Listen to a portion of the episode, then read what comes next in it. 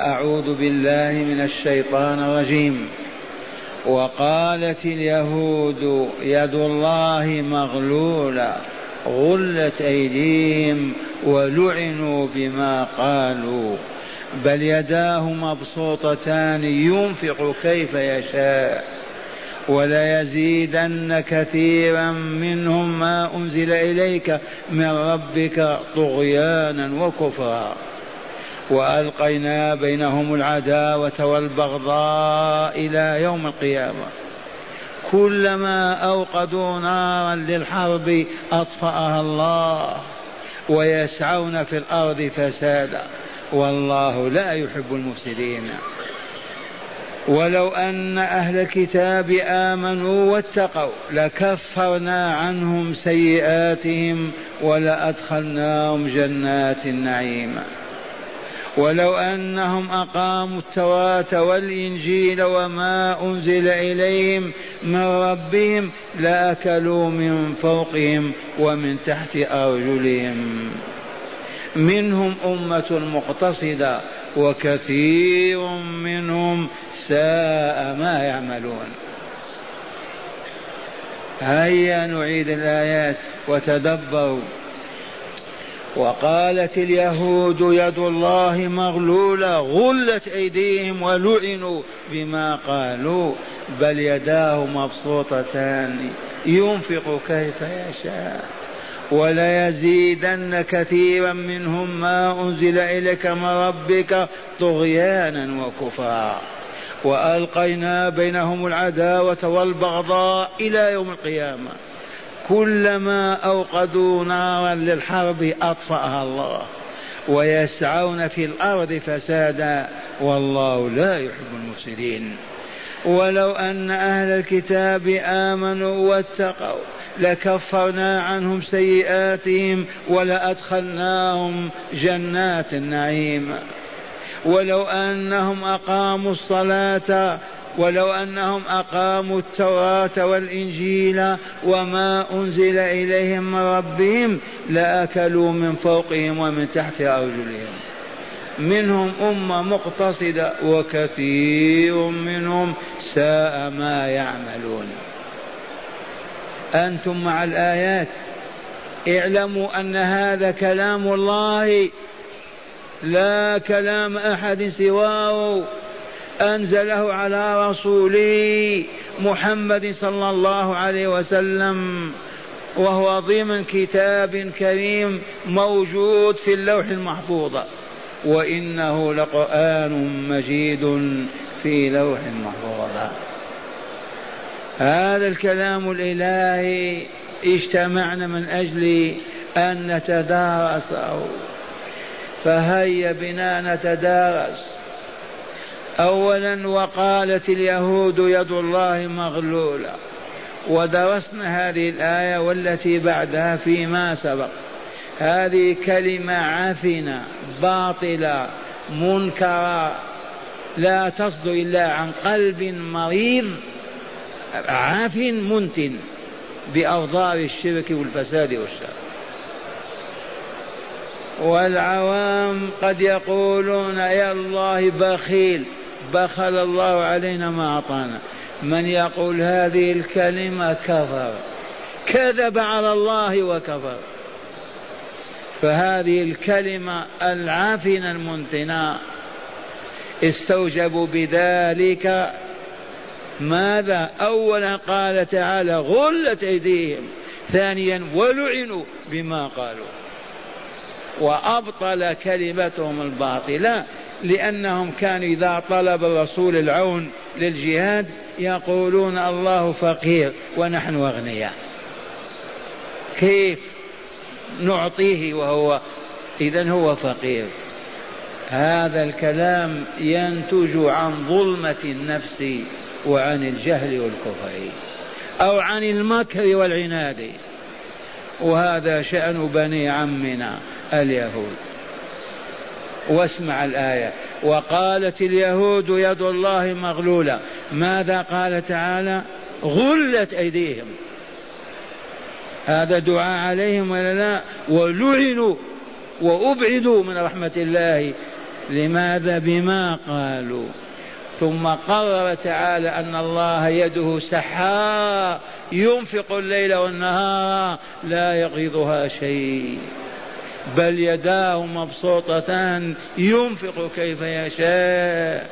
كل هذه الأطعمة والأشربة والأموال من بسطها من وهبها من خلقها من أعطاها. ما تستحي تقول يد الله مغلولة وأنت تشاهد الإنفاق على الإنس والجن والحيوانات. بل يداه مبسوطتان ينفق كيف يشاء. هذا يوسع عليه وهذا يضيق هذا يغني وهذا يفقر لعلمه ولحكمته. أبطل دعواهم ولعنهم وإلا لا. نحذر أن نقول كلمة في ربنا فنستوجب هذا اللعن. والإبعاد من رحمة الله. ثم قال ولا يزيدن وعزتنا ليزيدن كثيرا منهم. ما أنزل إليك يا رسولنا من ربك طغيانا وكفرا. تأملوا هذه. يقول تعالى وليزيدن كثيرا منهم أي من علمائهم وشياطينهم. الذي أنزل إليك من ربك يزيدهم طغيانا وكفرا بدل أن يستجيبوا ويؤمنوا يزدادون في الطغيان والكفر والعناد. قال كثيرا منهم وهم رؤساؤهم وأصحاب المنافع والمصالح والذين يريدون من اليهود أن يخضعوا لهم ويذلوهم. كلما ينزل من القرآن شيء يزدادون طغيانا وكفرا هذا عاصره الرسول وشاهدوا منهم في مدينته. هذا إخبار الله والله كما أخبر. ما ينزل شيء من القرآن إلا يزداد طغيانا وكفرا وعنادا ومكابرة. هل أسلموا؟ ما أسلموا. ما أجلاهم من المدينة بني قينقاع كبني النضير ما قاتل بني قريظة. لو أسلموا يقاتلهم يجليهم. القرآن ينزل وهم يزدادون عنادا وكفرا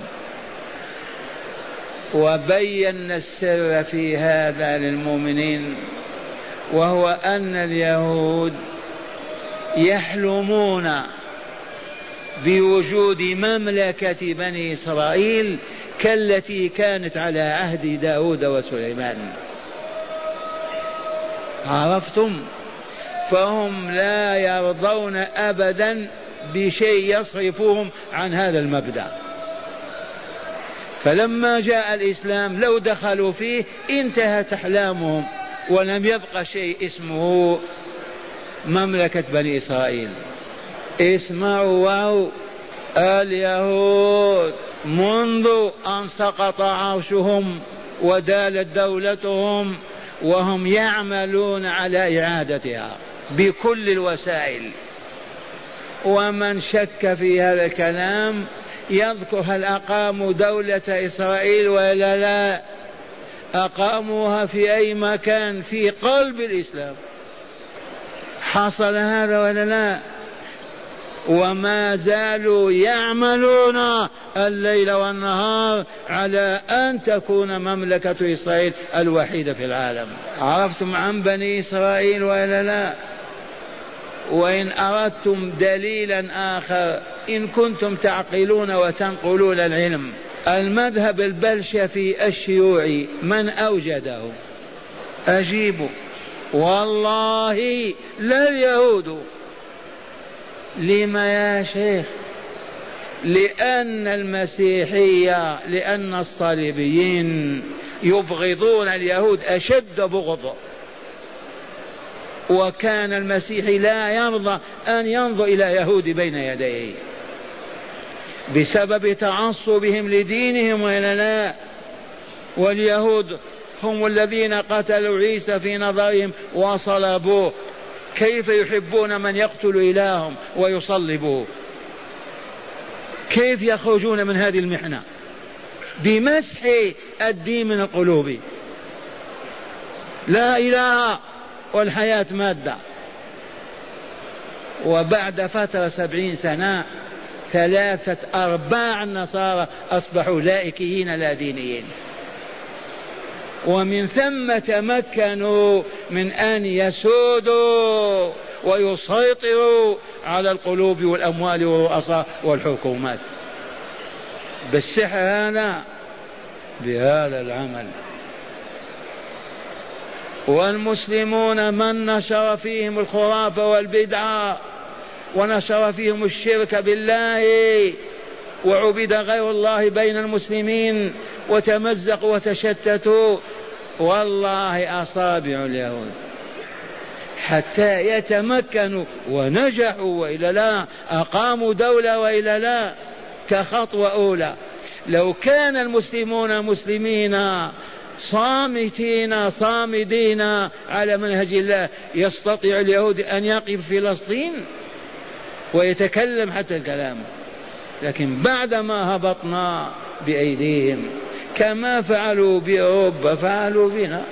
إذا اسمع ما يقول الحق عنهم ولا يزيدن كثيرا منهم الذي أنزل إليك من ربك طغيانا وكفرا وأخرى يقول تعالى وألقينا بينهم العداوة والبغضاء إلى يوم القيامة.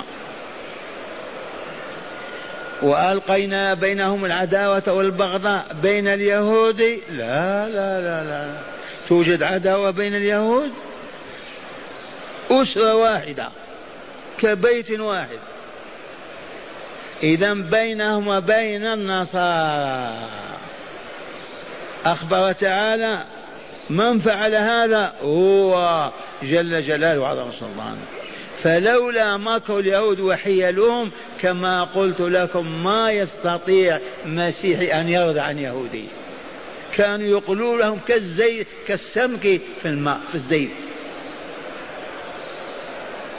صدق الله العظيم. ولا وألقينا بينهم العداوة والبغضاء إلى متى؟ إلى يوم القيامة. سل المسيح المتدين وقل أنت ترضى عن اليهود تحبهم. يضربوك إلى يوم القيامة. وأخرى قال تعالى كلما أوقدوا نارا للحرب أطفأها الله. ذكرنا أن الحرب العالمية الأولى والثانية والآتية وقبل حروب من نسج خيوطها وجمع حطبها ونفخ فيها اليهود ما هو بالطريقة العلنية تريد تفهم هذا؟ بالسر والمكر والخداع والعبث بقلوب الرجال. كلما أوقدوا نار الحرب أطفأ الله. وأخرى ويسعون في الأرض فسادا. يعملون في الأرض على إفساد البشرية. حتى تصبح كالبهائم وقد حصل الكثير. تسمعون عن أندية اللواط في أوروبا ولا لا؟ موجودة. تسمعون عن دور البغاء تسمعون عن اللهو والباطل عن المنكر. هذا كله من صنيع اليهود. يسعون في الأرض فسادا.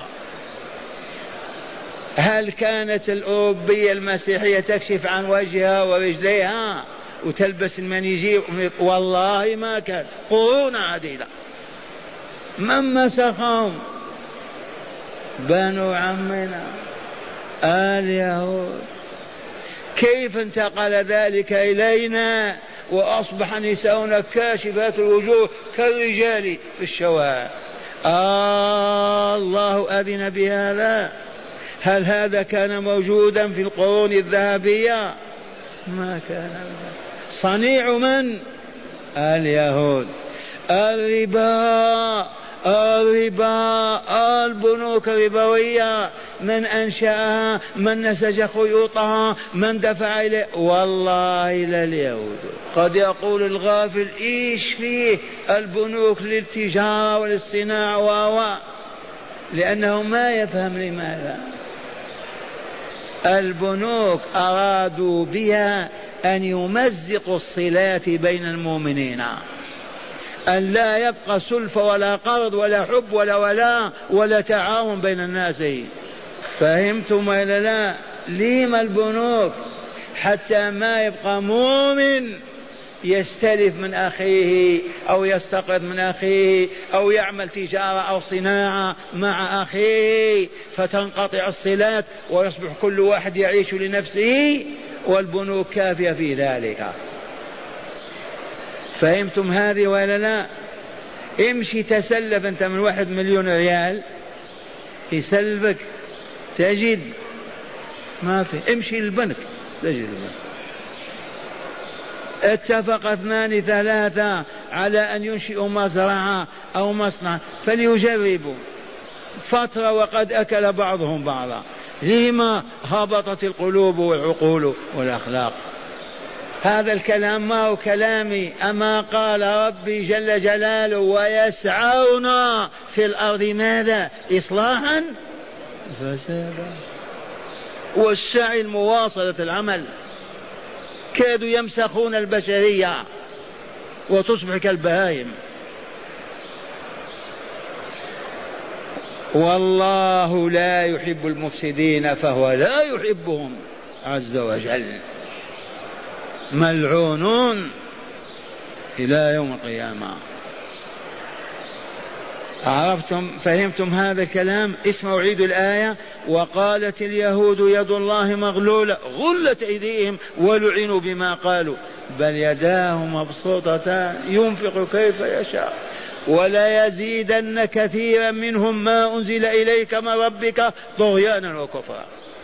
بدل أن يزدادوا إيمانا ويؤمنوا يزدادوا طغيانا وكفرا. وعنادا ومكابرة وألقينا بينهم العداوة والبغضاء إلى متى؟ إلى يوم القيامة. بين من؟ بين اليهود والنصارى. عداوة واضحة. أشد عداوة إلى يوم القيامة. وقوله كلما أوقدوا نارا للحرب أطفأها الله. ويسعون في الأرض فسادا. ببيع ماذا؟ بإنتاج المخدرات. بإنتاج الباطل والمنكر والسحر حتى تهبط البشرية بالمرة الواحدة. والله لا يحب المفسدين بل يكرههم. أعاذنا الله وإياكم منهم.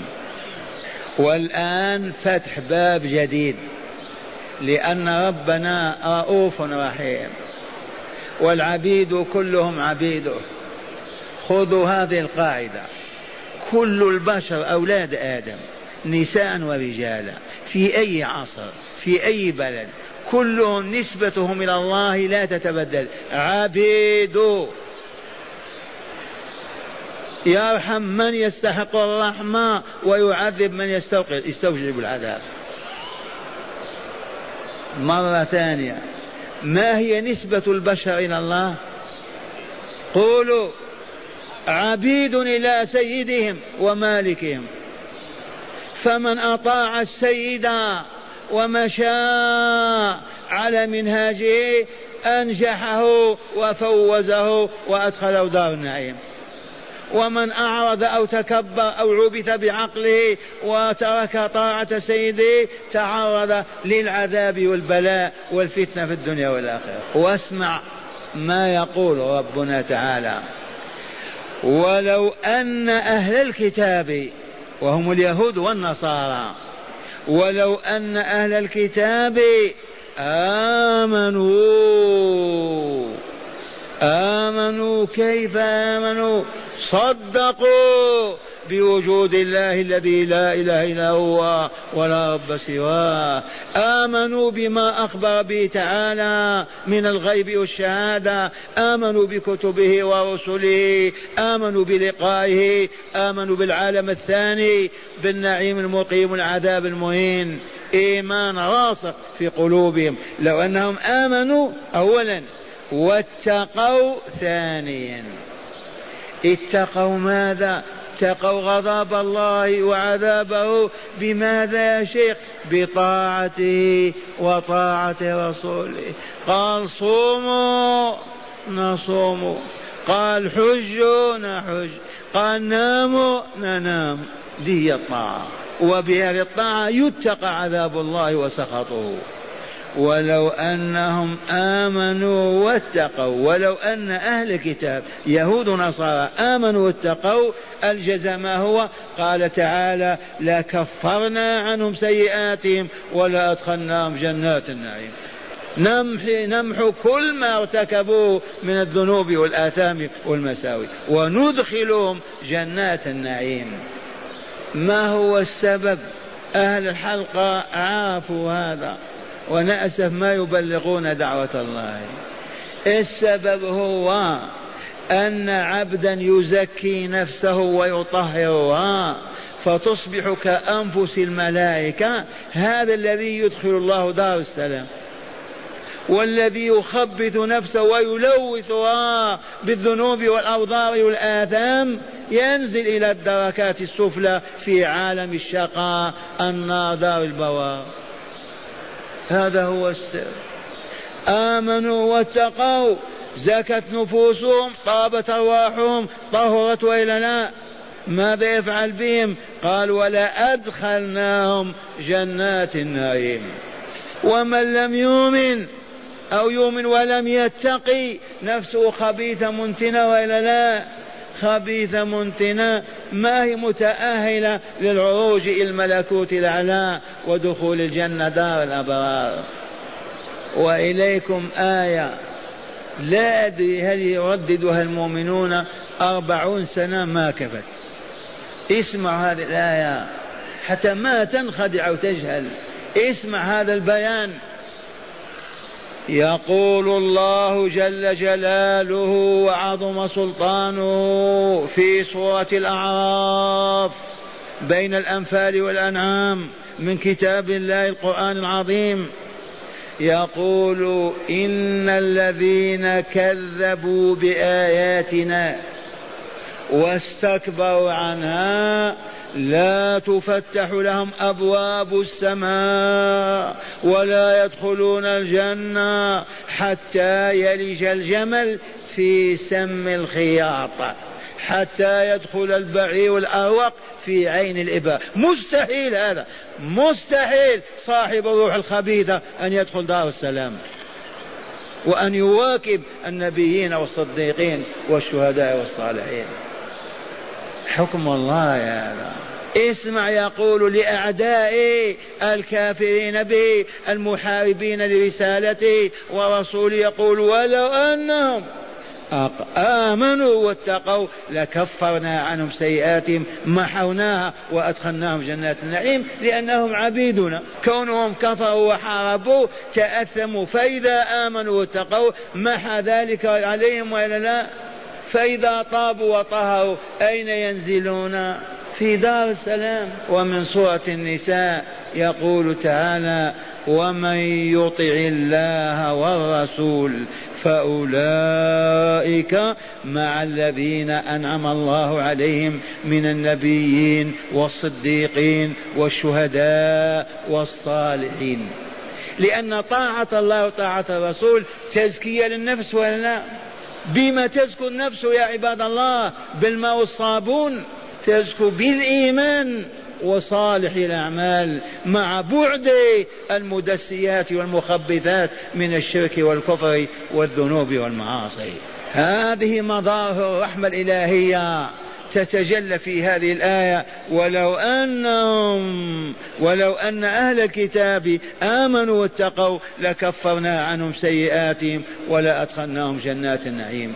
ونحن أيما مؤمن يؤمن ويقوي إيمانه واتقي ربه ولو بعد الظلم والشرك والباطل والكفر. فإن الله عز وجل يغفر سيئاته ويدخله جنات النعيم. ذي بشرى عظيمة ولا لا؟ بكم تبيعونها أو تشترونها بملء الأرض ذهبا؟ ولو أن أهل الكتاب آمنوا بما آمنوا واتقوا لكفرنا عنهم سيئاتهم غطيناها ولا أدخلناهم جنات النعيم. فهذا الخبر ينفع كل إنسان على وجه الأرض. وإنما بدأ بالكتاب لأنهم حرب على الله ورسوله. ومع هذا لو آمنوا واتقوا لما بال بكفرهم ولا حربهم ولا عنادهم ولا قتلهم الأنبياء ولا ولا لأن هذا الإيمان والعمل الصالح يغسل النفس يطيبها تصبح كأرواح الملائكة. فإن تنزل في الملكوت الأعلى. ثم يقول تعالى أيضا ولو أنهم أقاموا التوراة والإنجيل وما أنزل إليهم من ربهم. التوراة كتاب اليهود الإنجيل كتاب النصارى وما أنزل إليهم من رب كتاب البشرية الإيمان والإسلام القرآن الكريم. ولو أنهم أقاموا التوراة كيف قاموها؟ أقاموها عملوا بما تدعو إليه وتأمر به وتنهى عنه من الشرائع والآداب والأحكام. أقاموا الإنجيل طبقوا ما فيه وعملوا بما يحمله من الهدى للبشرية لأنه كتاب الله. وآمنوا بما أنزل إليهم من ربهم ألا وهو القرآن الكريم. لو فعلوا هكذا قال تعالى لأكلوا من فوقهم ومن تحت أرجلهم. وهذا في دليل على أن رؤساءهم يخبثون ويضللون ويمكرون من أجل المال من أجل الدينار والدرهم. تبهتم رؤساء اليهود والنصارى يحولون بين الناس وبين الدخول في الإسلام. لماذا؟ لأنهم يعرفون أن الإسلام ليس بحق والله لا يعرفونه حق أكثر مما يعرفون أنفسهم. ولكن يقفون في وجه تلك الأمم والشعوب حتى ما يبقوا فارغ الأيد لا سلطان ولا مال. فقال تعالى اسمعوا ولو أنهم أقاموا التوراة والإنجيل وما أنزل إليهم من ربهم أي من القرآن لاغناهم الله حتى يأكلوا من فوقهم ومن تحت أرجلهم. ثبات يرفع راسه والعنب والدل والتمر والتفاح والبرتقال أكلوا من تحت أرجلهم أنواع الخضروات الحبوب. هيا وهذا نقول لو أن المؤمنين أقاموا التوراة والإنجيل نعم آمنا بها وأقاموا ما أنزل إليهم ربهم القرآن الكريم.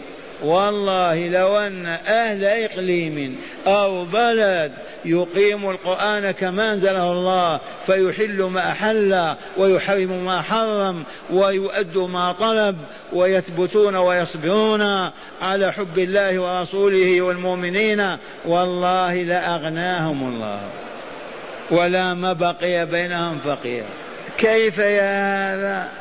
كان الرسول يربط بطنه بالحجر من الجوع واشتد البؤس والفقر سنتين ثلاثة أربعة ما هي إلا خمس سنوات وأصبحوا يوزعون المال هنا بالدرهم والدينار بالثوب. جاء العباس وأخذ يجمع في الذهب وملأ ثوبه ما استطاع يقوم به. نظر إلى الرسول قال لا ما نحمل عليك. خمسة وعشرين سنة وتدفقت أموال العالم. ثلاثة قرون لم تعرف الدنيا أسعد ولا أكمل ولا أغنى من أمة الإسلام. ثلاثمائة سنة. ولكن ما أقمنا التوراة والإنجيل والقرآن. فلهذا هذا الوعد ما زال.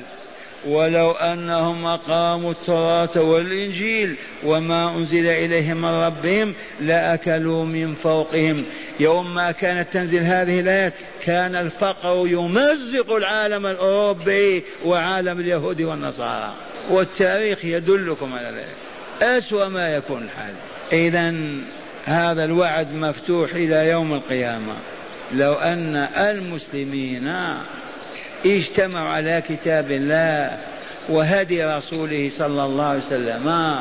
في شجاعة في صدق وإخلاص. والله ما هي إلا سنوات العام العامين وهم من أغنى الخلق. ولكن ما أقمنا القرآن. قال تعالى لأكلوا من فوقهم ومن تحت أرجلهم منهم أمة مقتصدة معتدلة. أفراد؟ من النصارى ومن اليهود. عدد المسلمين من اليهود قليل جدا أما عدد المسلمين النصارى بالملايين. قرون عديدة. وكثير منهم ساء ما يعملون. كثير من اليهود والنصارى قبح عملهم مساء وبطل. على الشرك والخداع والمكر والباطل. هذا كلام من؟ كلام الله عز وجل. اسمعوا هذه الهدايات من الآيات وتأملوا ما درسناه. قال قبح وصف الله تعالى بما لا يليق بجلاله وكماله. وصف الله بما لا يليق بجلاله وكمل عظمته قبيح وإلا حسن؟ آه قبيح. ما الدليل من الآية؟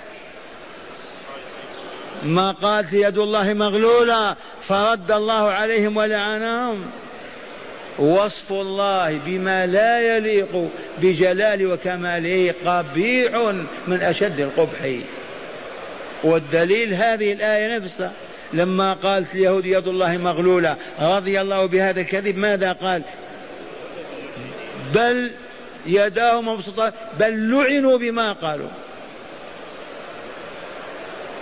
ثانيا ثبوت صفة اليدين لله تعالى ووجوب الإيمان بها على مراد الله تعالى وعلى ما يليق بجلاله وكماله. لا تقول لا ما تقول ربي له يدان أيخبر هو عن نفسه وتقول لا لا.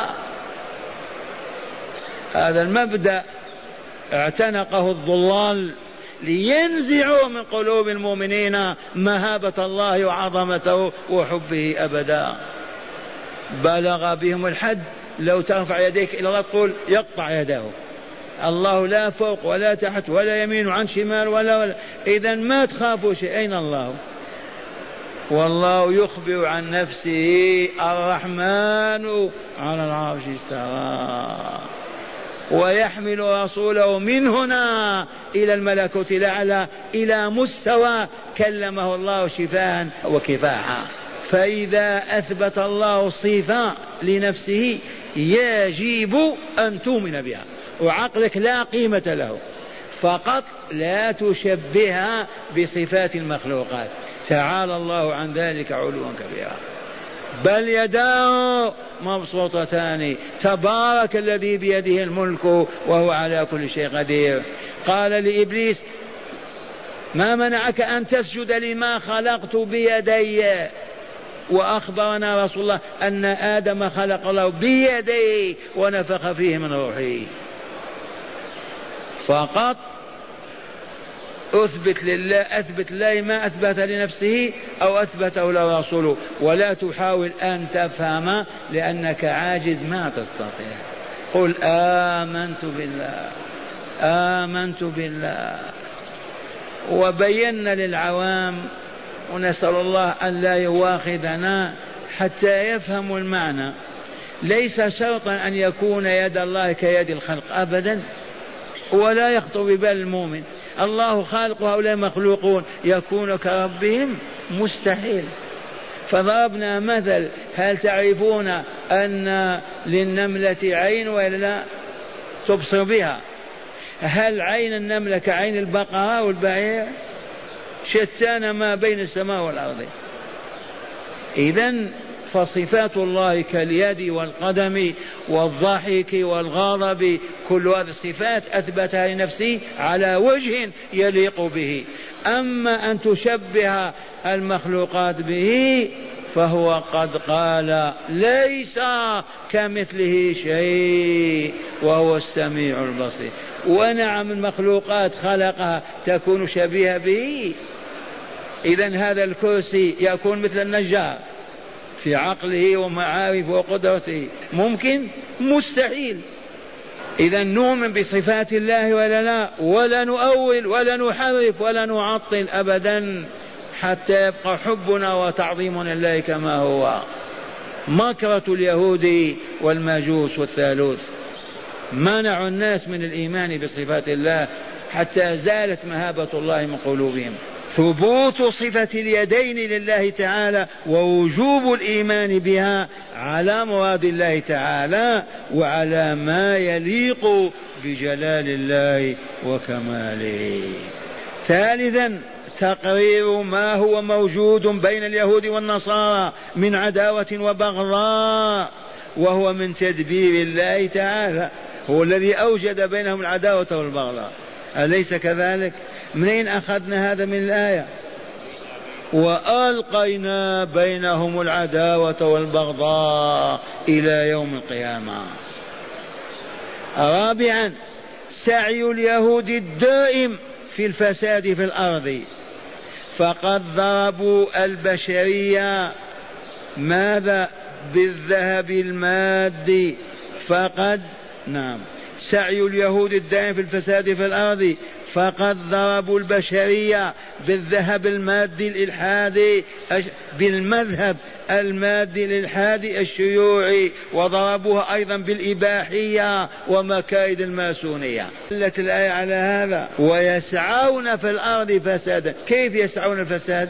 الشيوعية من مبادئ. العلمانية الآن حولوها للاشتراكية قبل الآن. والله من صنيعهم. مرة ثانية إذا سعي اليهود الدائم في الفساد في الأرض فقد ضربوا البشرية بالمذهب المادي الإلحاد الشيوعي وضربوها أيضا بالإباحية ومكايد الماسونية.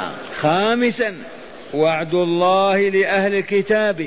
على ما كانوا عليه من الكفر والضلال. لو آمنوا واتقوا لأدخلهم الجنة.